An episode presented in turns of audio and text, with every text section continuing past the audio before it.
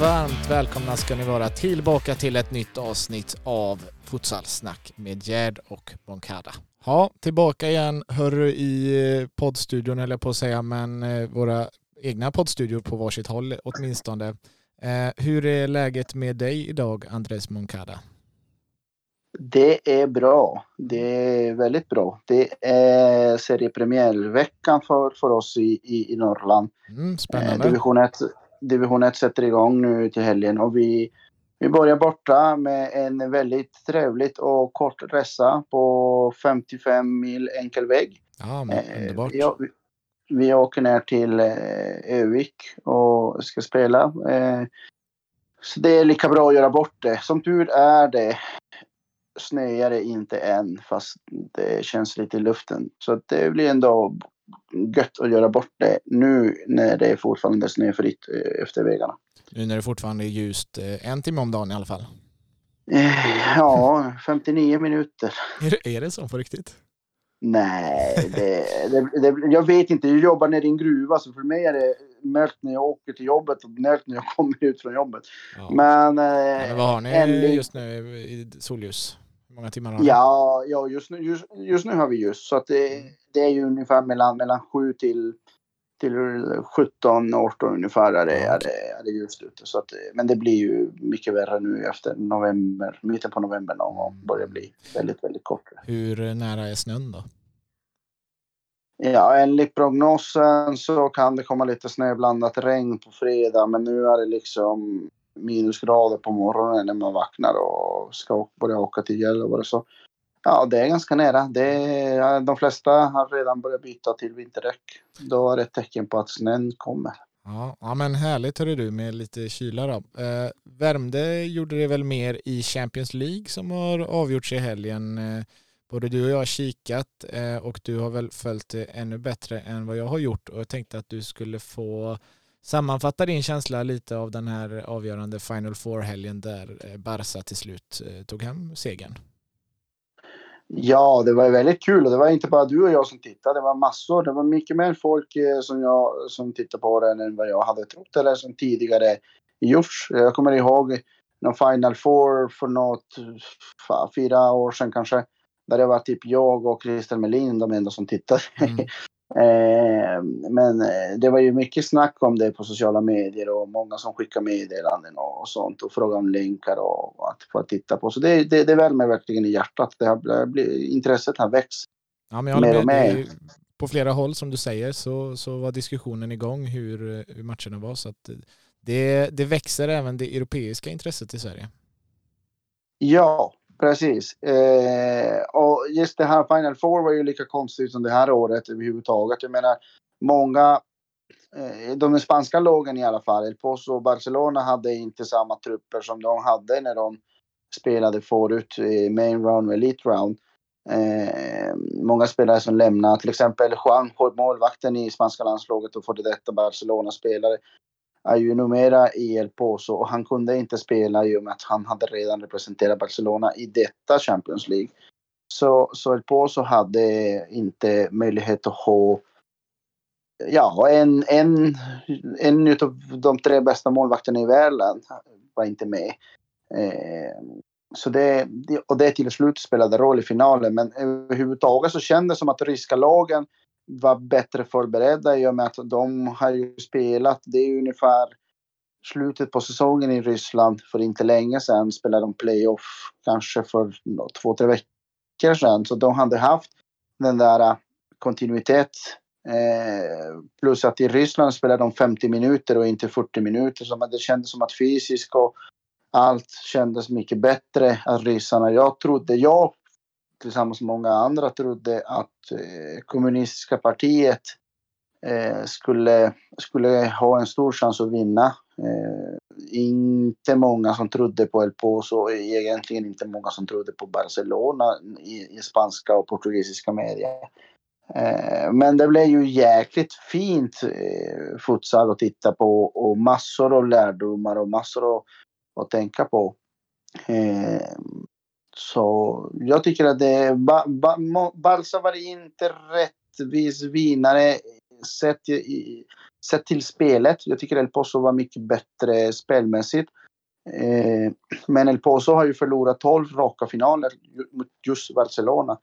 Eh, så att eh, efter, jag tror jag twittrade det efter, efter eh, straffavgörandet i fredags så skrev jag på Twitter, ja men då är det väl bara att gratulera Barcelona för att det El Pozo tror jag inte El Pozo kommer att bryta trenden denna gången. Och så var det. Och ja, mm. det är bara att gratulera Barcelona. Mm, mm.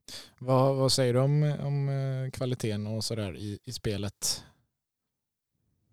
Om vi jämför till andra länder, vilket vi inte ska göra för att det är totalt orättvist. Eh, det var en mycket mer eh, taktisk eh, Final Four. Mm. Eh, förra årets Final Four med Sporting, Inter eh, och eh, Kairat Almighty eh, bland annat. Eh, det var lite mer spänning, det var lite mer, många, många mer mål.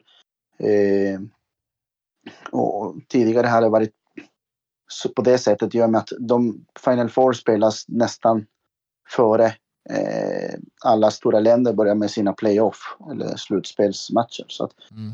Det är ju inte perfekt. Nu har det varit som sagt den här säsongen som det var så att det var mycket mer taktiskt. Eh, någonting som jag älskade att säga i alla lag och, och, som jag alltid pratat om förut i alla lag jag har ju jobbat med. Det är att spelarna, när de kände sig pressade, när de liksom inte hittade en passningslinje någonstans, de skämdes inte för att eh, bara skjuta iväg bollen upp på taket eller högst upp på läktaren. Eh, det var liksom inga konstigheter med det. Eh, det är någonting som jag önskar i svensk futsal. Skulle vi, eh, skulle spelarna förstå att du behöver inte spela ur dig varenda situation och visa hur duktig du är och, och försöka hitta några lösningar när det egentligen inte finns utan du riskerar ingenting. Du minimerar riskerna hela tiden mm. och försöker ju spela taktiskt eh, istället.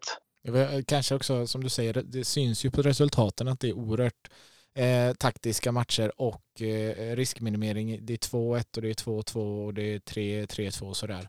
Eh, var, varför då, förutom det uppenbara svaret att det är bättre försvarsspel, varför är det så pass eh, målsnåla matcher om man jämför med till exempel eh, svensk futsal? Ja, det är ju en väldigt intressant fråga. Ifrån... Eh, eh, jag säger så här. Eh, lagen vill inte förlora. Eh, de vill inte förlora, de vill inte bjuda eh, för... Eh, de vill inte bjuda på mål helt enkelt. För att de vet att att defensiven och att taktiken är så himla strikt och, disciplinerade lag allihopa. Det är ju väldigt svårt. Det är därför de kan till exempel bjuda på många farliga inom... inom eh, alltså, de, de vill, ja, de vill inte få farliga lägen med, med, med fasta situationer nära straffområdet. Eh, när de skjuter iväg bollen till exempel. För att de vet att de är så duktiga på att försvara, de är så duktiga på, på, på, att, på att stå rätt liksom och, och, och bryta eh, motståndare. De har scoutat varandra så himla mycket också. Du fattar inte hur många timmars videoanalys dessa klubbar gör på varandra. Eh, så att det gör att det blir färre mål, men samtidigt är det att dessa spelare som bryter mönstret Eh, eh som, som Ricardinho till exempel. Dessa spelare börjar också försvinna inom futsal. Det börjar bli lite mer, lite mer passning 1-2 tillslag, passa och gå liksom. Det börjar bli mer kombinationer, mer rotationer och mindre en mot en. Och mm. det är ju, det, det, det snackades om i Spanien för inte länge sedan, både om futsal och fotboll snackades mycket, eh, mycket inom tränarkretsar att, att killarna i, och tjejerna i unga, i unga åldrar har blivit nu eh, instruerade att de ska passa, spela på ett, två tillslag. Och när en kille eller en tjej försöker göra sin, sin, sin markering, försöka drivla sig igenom vissa situationer, att de blir utskällda. För att det, det har blivit den här kulturen av tiki-taka även inom futsal, inte bara inom fotboll. Och detta gör att den fantasin försvinner. Men, men, men jag tycker också att det har ju givetvis mycket med att lagen safear och att taktiken och, och, och, och, och disciplinen i spelet är ju betydligt mycket större än i Sverige. Sen det har varit mycket snack till exempel om varför målvakterna i Spanien eh, inte är så aktiva i, i anfallet mm. som, som mm. i, i Norden. För både i Danmark, i, i Sverige och i Finland är målvakterna, det finns vissa tränare, eller målvaktsprofiler som är väldigt duktiga framåt. Vi, vi, vi i Sverige har haft Toffe, Arman, eh, Dildar, eh, Tolga med, med mera liksom. Som gör det. Och, och, svaret som, som alltid kommit fram, eh, det är att i dessa länder som i Spanien och Portugal och Italien, där, där, där får inte målvakterna så mycket tid på sig liksom att driva fram bollen och, och, och snabbheten i försvaret och den taktiska disciplinen är betydligt mycket större. Så det är inte värt det helt enkelt?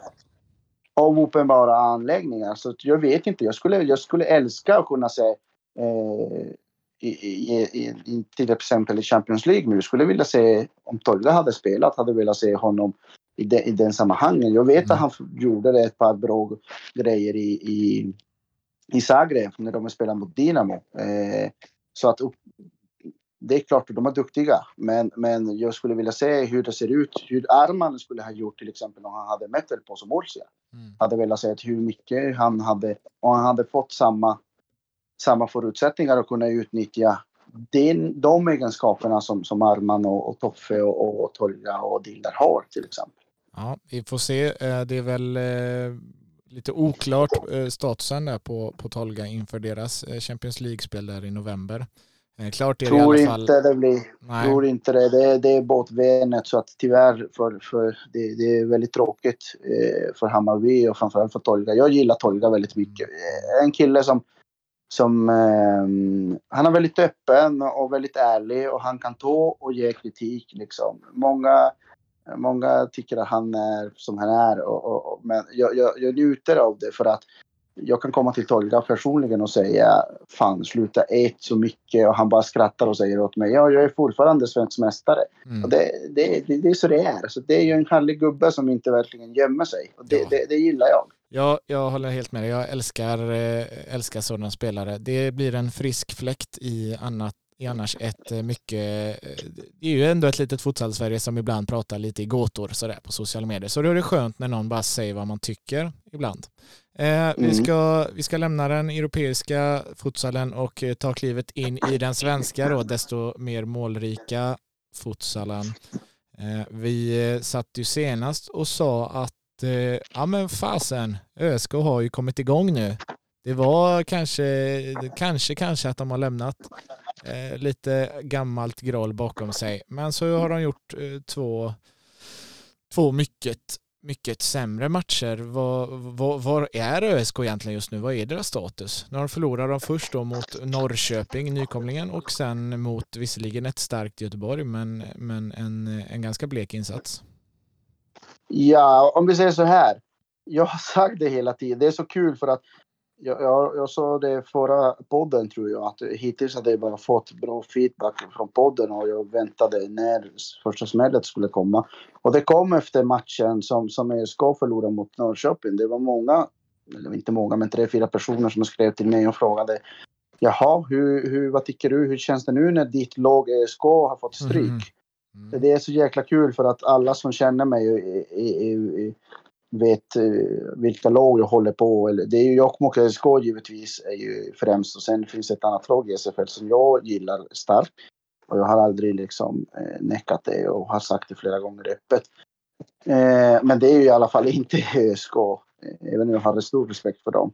Eh, jag har sagt att offensiven givetvis, ingen tvekan om det. Det är defensiven, det är försvaret som, ska, som, som, som är frågetecken. Och hur Francis skulle lyckas få ihop truppen. Hur skulle de stå på all när det blåste? Och, och nu vet jag faktiskt inte hur det är. Och jag, jag, man, en kan bara spekulera och det kommer jag absolut inte göra här. Utan utifrån det jag såg. Jag, jag såg båda ESKs matcher i helgen, eller förra mm. veckan. Mm. Jag såg mot Norrköping och jag såg mot eh, Göteborg. Efter matchen mot Norrköping så tänkte jag okej, okay, Norrköping gjorde det enda de kunde ha gjort. Och i, i, det, I det läget och det är eh, precis som Michel Wasberger eh, beskrev det när han var med i podden. De eh, spelade destruktivt. Liksom. De backade hem och försvarade med något liknande jokerspelsförsvar med väldigt låg 1-2-1 försvar eh, som är väldigt svårt att spela emot om du fortsätter att spela med bara fyra spelare eh, ute. Så att jag tycker att Norrköping var smartare. Vacker eller inte, det får alla bedöma och avgöra själva. Jag skulle definitivt inte tycka om att få spela sådär. Och jag gillar inte det. Men det är ju effektivt. Ja, det är ju effektivt. De vann det är matchen. Ju, de vann matchen och, och, du kan slänga statistik hit och dit och du kan skriva hur mycket du än vill. Statistik är ju jäkligt missledande och det kan vi kanske gå in senare. Eh, så där, där eh, gjorde Norrköping det enda rätta de, de hade att göra och det funkade. Jag menar, de, de vann ju matchen. Och eh, ÖSK såg inte vassa ut.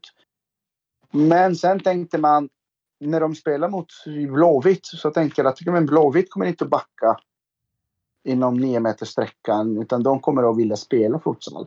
Eh, så att det kanske passar det kanske passar ESK bättre. Men det gjorde det inte.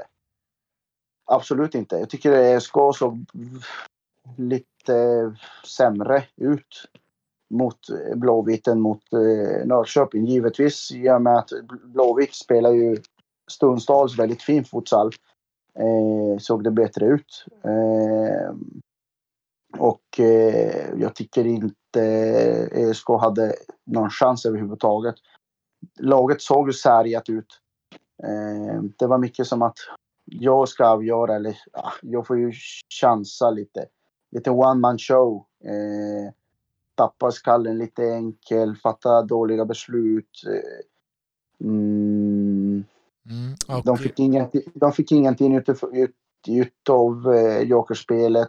De saknade Adnan Shirak förvisso. Eh, orsaken oklar. Jag vet inte, du kanske vet varför. Nej, eh, vi, vi kollar upp detta också och det verkar inte vara på grund av varningar heller så att eh, vi får nog låta det vara osagt varför han saknades. Ja, och Lägic, Lägic var ju grym fram tills han fick avgå med någon skada. Hoppas det inte är något allvarligt men det, det såg ut och lät lite som att det var något knäskada då. Eh, som sagt, status oklar på det också. Och då tappar de givetvis två jättepjäser. Men då återkommer vi till det klassiska. Hänger det bara på en eller två spelare? Nej, inte det, det är ju det. I det laget så finns det ju många fler starka namn än så. Som borde kunna gå fram och eh, göra skillnad i det läget. Ja, så att, eh, ja, jag skulle inte vilja vara i ÖSKs omklädningsrum efter eh, dessa förluster. Och det är ju och det är ju det enkla anläggningen att, att jag vet själv hur det är att vara i den sitsen liksom med en trupp. Ja. Med en så stark trupp och med så starka personligheter och eh, som sagt, det ska bli intressant att se hur Francis lyckas få ihop det. Framförallt så har det varit många tunga år nu och eh, med en skön, ganska så skön start eh, innan detta då, då kanske det är lätt att falla tillbaka i gammalt tänk eh, och det är ju livsfarligt men också väldigt svårt att undvika. Ja, exakt. Och sen får vi väl hylla Blåvitt som gjorde två bra matcher.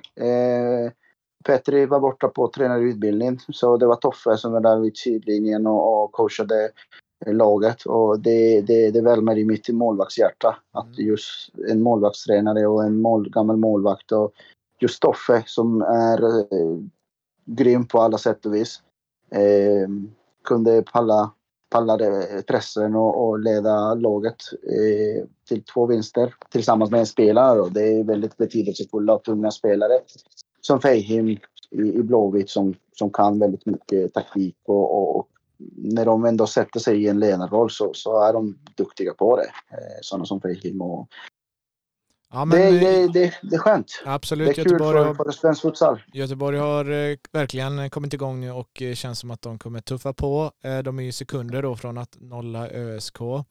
Eh, sen så har vi lite övriga resultat. Det var en dubbelomgång förra veckan som vi inte hann få med något av i den förra podden egentligen. Eh, där, eh, ja det är en hel del matcher men något som ja, små saker som sticker ut är att AFC fortsätter vara riktigt bra. Borås AIK har också öppnat starkt. Mm. Um, IFK Uddevalla har, uh, har kommit igång igen. Mm. Uh, och Torslanda mm. har tagit sin första seger. Ja, var det inte två segrar till och med? Två segrar till och med, ja. Det stämmer. Ja, ja jag, säger, jag, så, jag har sagt det flera gånger. Jag tycker då, jag, jag tipp, tips, tippat att de ska vara i bottenstriden. Men fortsätter det så här så får jag väl ta upp mina ord och det gör jag gladligen. Tultsortsland är en förening som ligger nära hjärtat givetvis. De öppnade dörren för mig i SFL och det finns några spelare där som, som, som jag verkligen tycker om och uppskattar. Eh, så jag hoppas verkligen att de kan hålla sig kvar och att eh, utan stora problem. Eh, och det gäller att vinna. Det gäller Libertad däremot eh, och förlora två stora två stora förluster. Eh, som du såg, eh, AFC fortsätter att trumma på. Mm. Ett AFC som Tekle har verkligen fått ihop det hittills. Eh, det närmar sig lite tuffare matcher för AFC, men jag menar vinner man så där eh, tydlig och, och överlägset, då växer ju givetvis moralen och, och, och, det blir som en, som en eh, flow där du mer eller mindre blir ostoppsvar liksom. Så det, det ska vara intressant att följa den resan. Ja, eh, precis och eh, även då Torslanda som vi var inne lite på. De har ju fått en rejäl omstart. Eh, bytt, först bytte de huvudtränare från Fredrik Augustin som har varit där länge och sen tappar de sin nya huvudtränare. Eh, de parterna valde att bryta med varandra innan, precis innan säsongen. Och eh, ja, en hel del eh, vassa namn som också har försvunnit. Så det, det, är starkt att tidigt kunna gå ut och ta två stycken segrar tycker jag. Eh, så hatten av för dem. Tungt värre är det däremot för Strängnäs och Skoftebyn, hörru du. Ja, Strängnäs. Eh, jag vet inte vad jag ska säga om Strängnäs. Eh, jag fick ett eh, sms från som, Strängnäs som förvisso inte har tränare heller just nu utan den tränaren som de hade värvat från från Stockholm.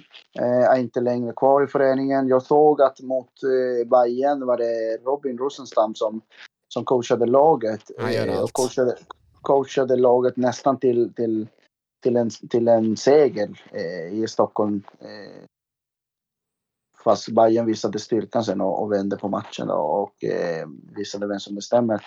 Men eh, det var Rosenstam, så pratade jag med han lite grann och, och de hade gått skilda väggar. Eh, dock utav personliga skäl. Eh, eh, så att det var inte så att de var missnöjda med honom eller liknande. Eh, på stort ljud Robin då. Ja, jag tänkte säga det. Är, det är väl så man säger kanske eh, utan att nah, skapa ett, eh... Nej, jag fick, jag fick ju ett anläggning men det är inte mitt att säga liksom. Det är ju verkligen personlig av tränaren så det får vi respektera. Ja, men det, eh, det, är ju ändå, ändå så att det är eh, ofta man säger så även om det inte är så i det här fallet. Eh, ja, ja. för att inte skapa några rabalder av det hela.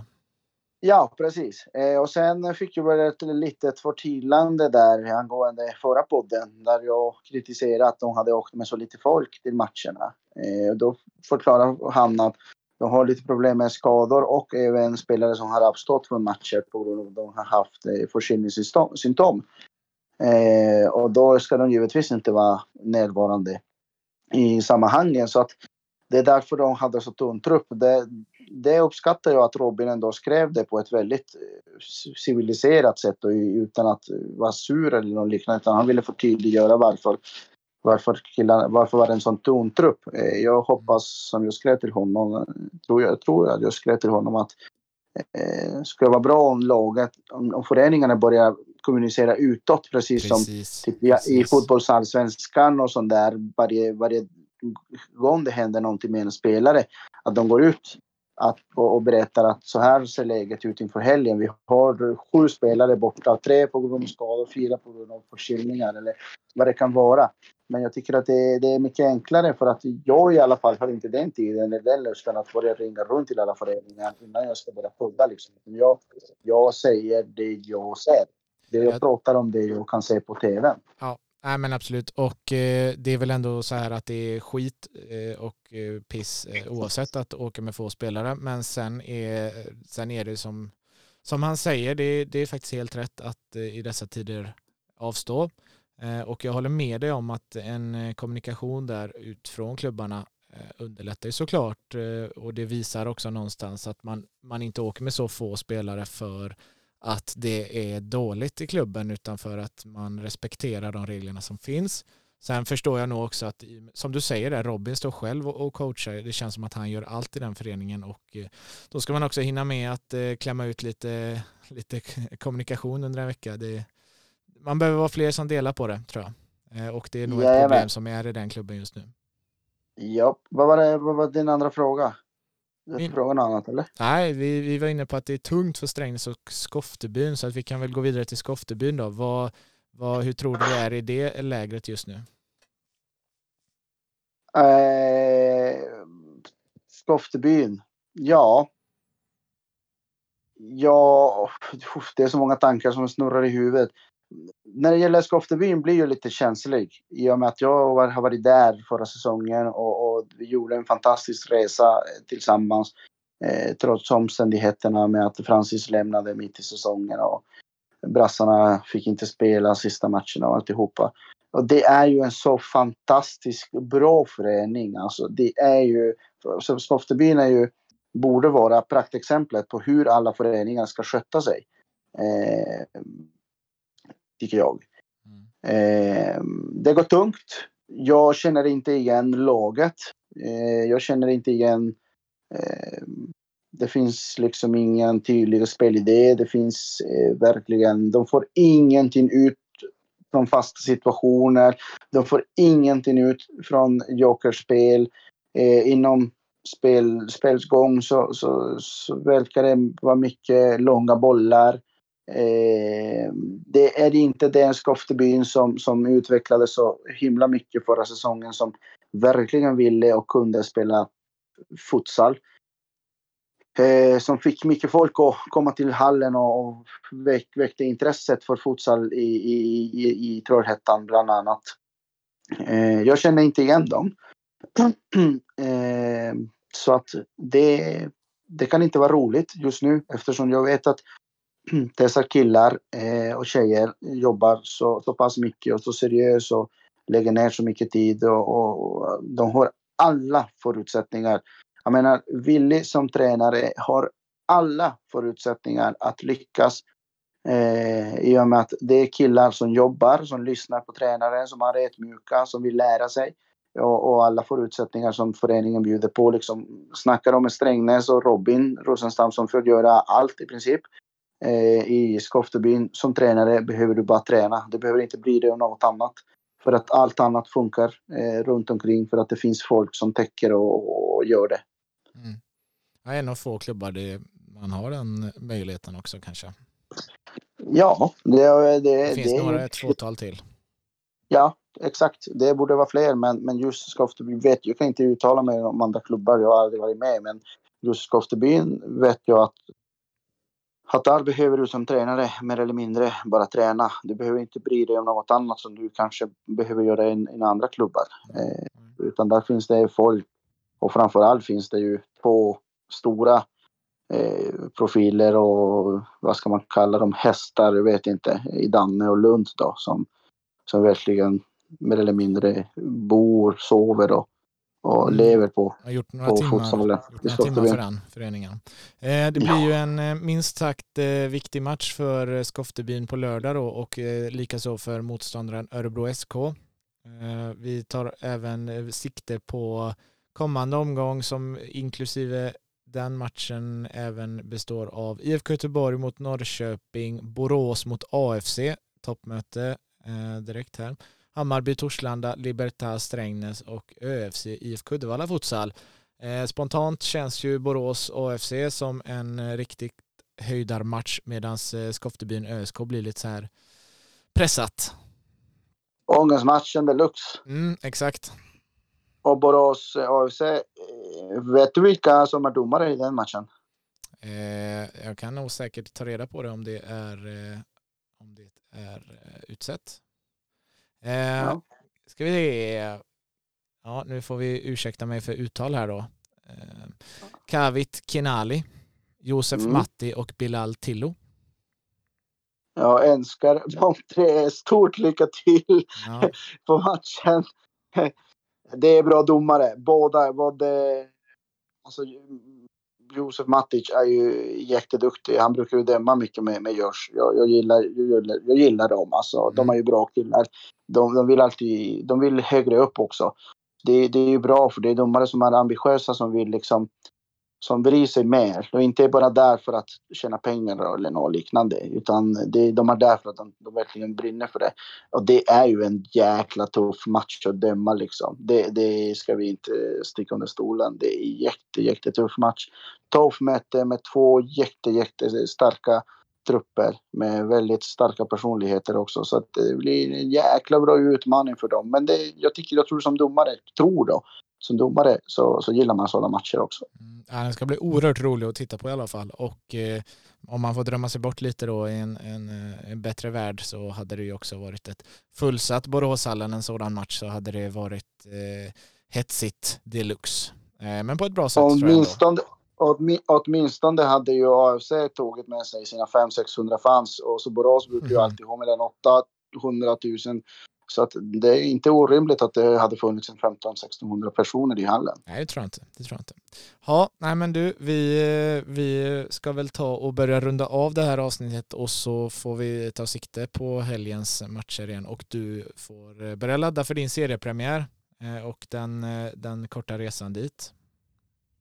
Ja, jag vill bara avsluta med någonting, med en idé som jag började när vi mm. snackade om, om, om Europaspelet. Mm. Och det är det här med statistik. Det, det, det verkar som att många, flera föreningar i, i, i, i SFL har nu börjat ha hittat till, till statistikdelen i Instascout och börjat titta mer på statistik. Och jag, jag är också en som har varit väldigt fixerad vid statistik och, och alltid tänkt på det. Och, och, när jag har träffat, när jag hade turen att, att träffa Jesus Velasco som har tränat Inter Movistar och vunnit två eller tre Champions League och ja, flertal kupper i Spanien och ligor och alltihopa.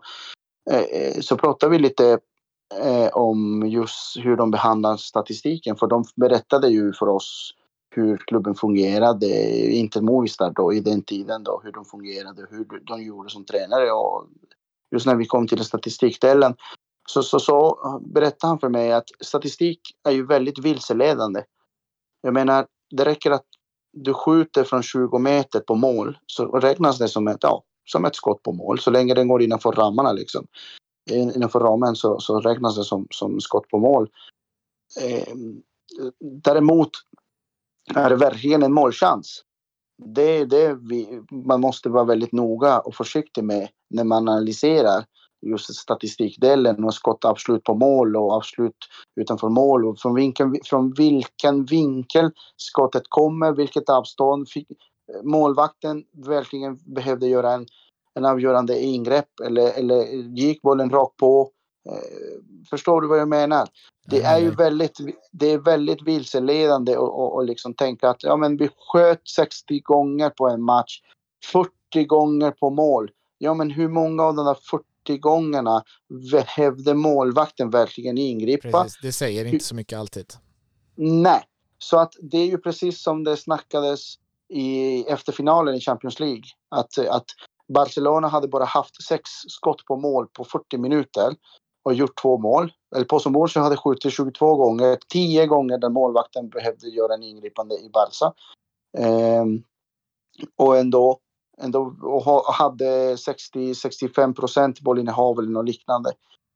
Ändå är det Barca som vinner. Så att jag menar, det, tittar man bara på statistiken, ja, det kan betyda en sak. Givetvis kan du ha varit eh, överlägset i, i, i någonting. Men, men inte i det viktiga och, och det är väldigt svårt liksom för din egen utveckling så ska man vara väldigt noga vad man räknar som skott på mål och vad man räknar som eh, Eh, målchanser. Och, och, det är ju en tips som jag fick själv från en av de största tränarna i, i världen som jag hade turen att träffa en gång eh, under ett par dagar när vi var i Spanien med IFK Uddevalla 2017. Eh, och jag hoppas att ja, de som, de som eh, är där ute och lyssnar att eh, ja, då får de också vidare det här tipset som förhoppningsvis kan hjälpa oss att utveckla. Mm. Ja, statistik eh, ljuger kanske lite ibland. Vet du vad som aldrig ljuger? Nej. Tabellen. Det är bra. Det, det var djupt. Det där ja. var ju ett djupt du, Va? Något annat som inte är en lögn det är att vi är tillbaka om en vecka igen när det är torsdag. Då är vi redo för ett nytt avsnitt och eh, jag tackar dig och jag tackar er som har valt att lyssna på oss. Det är vi jätteglada för att ni, ni ger oss chansen att finnas med eh, under eran eh, dag var ni nu lyssnar på oss. Vi hörs igen om en vecka hörni. Ha det bra. Hej.